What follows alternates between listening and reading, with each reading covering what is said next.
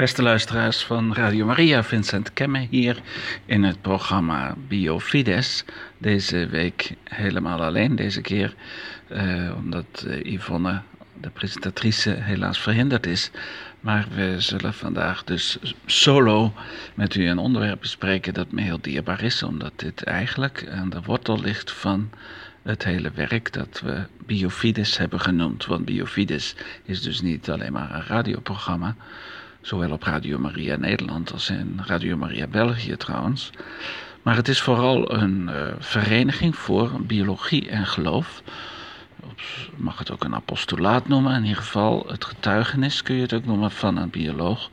Die op, op een dag ontdekte dat God bestond. En dan die wereld van de biologische wetenschap en die van het geloof, of de theologie later, tijdens studies, daarvoor uh, met elkaar in verbinding wilde brengen. Uh, toen ik in biologie ging studeren in Utrecht, uh, ik maakte dit programma vanuit België, maar toen was ik nog gewoon in Nederland. En ik was dus in de eerste jaar van mijn studie geconfronteerd al direct met klasgenoten of jaargenoten die uh, bijvoorbeeld creationisten waren. Die geloofden in de schepping in zes dagen. Terwijl natuurlijk de heersende opvatting in de universitaire wereld is, in de wetenschappelijke wereld, is dat uh, de wereld tot stand gekomen is in een heel lang proces. Van eerst een kosmologische evolutie, dus vanaf zeg maar de Big Bang tot uh, waar we nu zijn, in een zich steeds uitdijend heelal, waar dan sterrenstelsels ontstaan en vervolgens planeten en dan de condities op één, minstens één van die planeten zodanig waren dat moleculen zich konden vormen tot organische stoffen, verbindingen, tot celstructuren, tot uh, cellen, weefsels, organen, organismen. En dat die zouden volgens die evolutionaire theorie van de biologische evolutie dan hebben geleid tot het uh, ontstaan van hogere vormen van leven, tot en met het menselijk leven. Dus die twee uh, werelden van geloof en, uh, en de biologische wetenschap, zoals die op zich dit op, moment, op dit moment de geschiedenis van het leven voorstelt, die, ja, die stonden eigenlijk sinds de, vooral sinds Darwin in de 1859, toen hij zijn boek schreef over het ontstaan van de soorten, stonden die ogenschijnlijk nogal tegenover elkaar, omdat we vertrouwd waren met de traditionele opvattingen uit de Heilige Schrift, bijvoorbeeld uit het eerste hoofdstuk van Genesis, waarbij God de wereld uh, schept en dan vervolgens alle leven soort na soort. En dan valt al op als je het tweede hoofdstuk van dat boek neemt, dat er ook staat natuurlijk dat God de schepper is, maar dat de wording van de mensen juist uh, voorafgaat aan de, aan de dieren. Dus dat is op zich al opmerkelijk. Maar hoe het ook zij, er is dus uh, zeker sinds Darwin een sprake van een bepaalde spanningsveld tussen uh, zeg maar de christelijke visie uh, op basis van een bepaalde vorm, een manier waarop we de Bijbel lezen, over het geschiedenis van het leven op aarde en die van de wetenschap. Dus enfin, we kunnen onmogelijk in een hele korte uitzending daar in detail op ingaan. Als u naar het internet gaat en u googelt Biofides Soundcloud, en dan evolutie, Biofides, Soundcloud, evolutie, dan ziet u dat ik daar verschillende programma's al in het verleden, zowel in Nederland als in België, over gemaakt heb. Waar ik probeer uiteen te zetten hoe die twee visies met elkaar, zich tot elkaar verhouden. Uh, eventueel zelfs met elkaar te verzoenen zijn, of tenminste misschien niet met elkaar per se in strijd hoeven te zijn. Dat is dus ongeveer de kern van een, uh, het werk van Biofides om te begrijpen hoe onze biologische kennis en ons gelovig verstaan van de Heilige Schrift, van de openbaring, van de traditie ook van de kerk, het spreken van de kerk, hoe we die twee zaken met elkaar kunnen uh, verzoenen. Waarom begin ik nu vandaag opeens over dit onderwerp? Omdat er zo af en toe dat onderwerp toch weer de kop opsteekt. Bijvoorbeeld door een, uh, een mail die je kreeg van een zevental leerlingen uit een school in Noord-Holland, in Horen, die met een eindwerkstuk bezig waren voor een VWO-diploma. En die hadden dit onderwerp bij de kop genomen, geloof en schepping en, en evolutie. Schepping en evolutie. En die hadden eens gegoogeld en wat rempels. Ze zijn op mijn website gekomen en hebben vervolgens geconcludeerd dat ik misschien wel het beste uh, geschikte persoon zou zijn om daar uh, in hun werkstuk uh, mee te helpen maken. En ze hebben ze vragen opgesteld, interview afgenomen per Skype. Want ik zit hier in Vlaanderen toch, toch niet direct in de buurt van het stadje Horen in Noord-Holland. En we hebben een hele leuke conversatie gehad. En dan zie je uh, dus dat dat onderwerp toch bij jongeren wel een invalshoek is om ook serieus over geloof te gaan praten. Dus niet alleen over wetenschap en die serieus te nemen, maar ook over geloof. En uh, ik heb geprobeerd ze uit te leggen in welke mate dus die twee visies uh, niet per se met elkaar in strijd hoeven te zijn.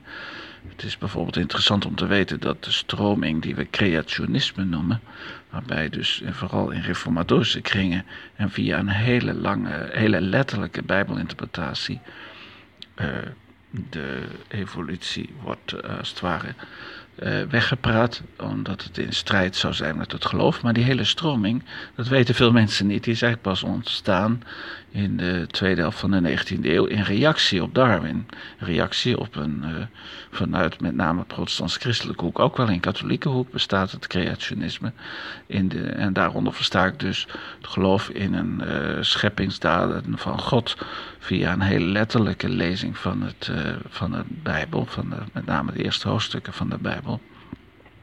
Alsof het een biologie zou, boek zou betreffen. Het is uh, niet per se de visie daarmee van de katholieke kerk. Uh, al in de Augustinus heeft ons er al voor gewaarschuwd dat als wij bepaalde passages uit de Bijbel zodanig in, gaan interpreteren dat ze tegen de reden en de redelijkheid ingaan, dat we ons als christenen riskeren belachelijk te maken voor de wereld waar men uh, wel degelijk eh, op grond van pure uh, zintuigelijke waarneming en verstandelijke afweging conclusies, uh, tot andere conclusies komt dan een, wat de schriftlezing op het eerste gezicht zou, zou doen geloven. Dus dit is absoluut niet nieuw om toch goed na te denken over hoe we de Bijbel moeten lezen, hoe we die moeten interpreteren, wat God nu eigenlijk, zoals heel veel eeuwen later in het Tweede Vaticaans Concilie. De kerk heeft gezegd om vooral erachter te zien te komen wat, wat is nu eigenlijk wat God wil zeggen. Wat wil God nu ons eigenlijk zeggen door deze Bijbelteksten heen? Is het zo dat hij ons biologielessen of kosmologische lessen wil geven? Of is het zo dat hij ons bijvoorbeeld wil zeggen dat de wereld niet zomaar staat, maar wel degelijk geschapen is? En dat bijvoorbeeld de schepping goed is. Dat dus bijvoorbeeld anders dan in andere religieuze tradities, zeker in de tijd van de auteurs van het boek Genesis, waarbij schepselen uh, werden gezien als go goden in zekere zin, sterren, zon en maan. Dus de, uh, je bijdrage van het Joodse volk, van het Joodse geloof, bestond erin om een onderscheid te maken tussen schepper en schepping.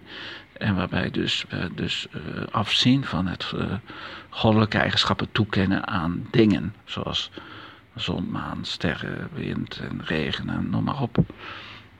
En dat het dus fundamenteel goed is en dat de mens wel een heel bijzondere plaats in die schepping inneemt. Als het ware een icoon van God is, een beeld van God is in die, in die schepping. Zo kun je dus die exegese doen, die uh, dat verstandig leren lezen van de Bijbel zonder de uh, indruk te wekken dat de Bijbel een, een wetenschappelijk boek zou zijn. De moderne wetenschap dateert van, van na de middeleeuwen, of vanaf, vanaf de, van, eigenlijk van al in het begin van de middeleeuwen al opge, opgekomen. Maar de Heilige Schrift is natuurlijk vele eeuwen eerder geschreven. En we moeten dus niet met, uh, denk ik, de, de boek Genesis lezen alsof het een, een natuurwetenschappelijk handboek is. Omgekeerd moeten we ook niet alle mogelijke tendensen in het evolutionaire denken geloven, die als het ware God onnodig maken om de wereld te verklaren. Dat is wat, betreft, wat mij betreft ook absoluut niet aan de orde. Want als biologische evolutie waar is en zelfs tot de mens geleid heeft, dan is dat een zodanig complex en, en intrigerend proces. Het is een mirakel dat het überhaupt gebeurd is. En kan me dus gewoon niet voorstellen dat biologische evolutie zou kunnen bestaan zonder een uh, God die het wil dat het gebeurt en die daar ook een zekere richting aan geeft op een of andere manier. Enfin, je kunt heel veel over deze dingen zeggen.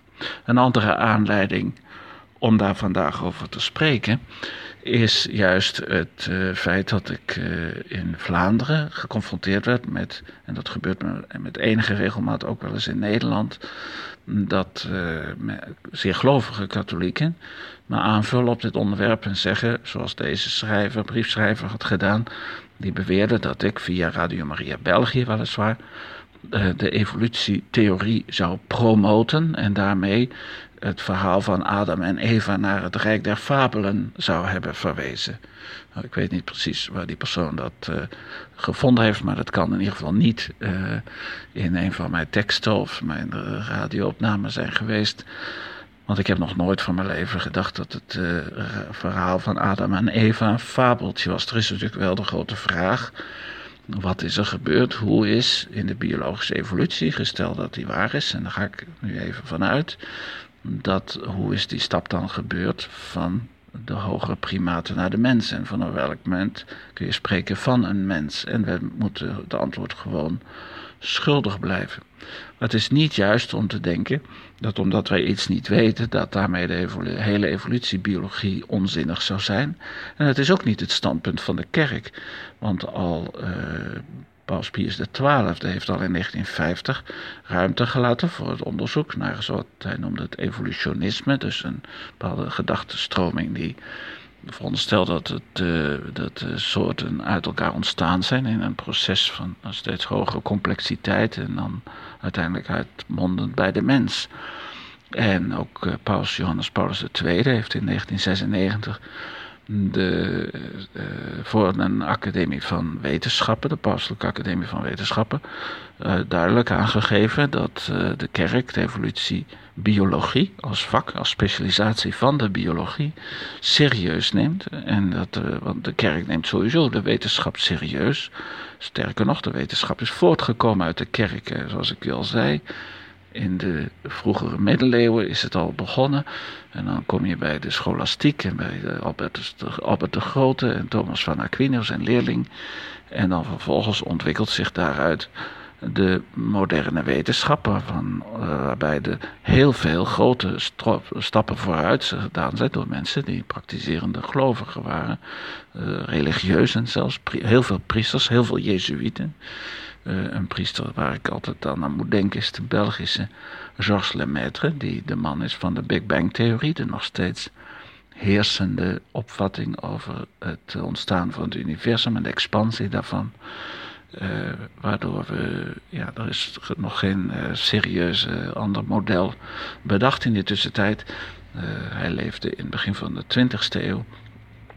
En nog steeds is dat zijn, is zijn opvatting over de kosmologische evolutie de heersende opvatting. En, uh, ja, dus, maar de man was priester, een zeer devoot priester en op alle mogelijke manieren trouw aan de kerk. Dus er is geen sprake van dus dat de kerk uh, dit soort uh, wetenschappelijke theorieën over het, uh, de evolutie van de kosmos en ook de evolutie van het leven zou hebben afgewezen. Dat is niet het geval. Er zijn wel individuele katholieke uitspraken van individuele bisschoppen of uh, andere priesters, auteurs geweest, maar dat is niet wat dat heeft nooit geleid tot een afwijzing van uh, evolutiebiologie als zodanig. Nu, ik, kan daar nog, ik zou daar nog uren over kunnen praten. Ik zou, vind het alleen interessant, vooral vandaag, voor deze korte uitzending van Biofides hier bij Radio Maria Nederland om uh, u daar iets van te vertellen. Dat in een korte tijd er twee van die momenten geweest zijn weer dat wij, zijn de Biofides, ondervraagd zijn over uh, het uh, thema van de biologie, de evolutiebiologie in relatie tot het geloof. Nogmaals, ik verwijs u naar eerdere uitzendingen die te vinden zijn online in de Biofides Soundcloud. Uh, dus dat is uh, geluidswolk, letterlijk in het Nederlands. Biofides Soundcloud, als je dat googelt.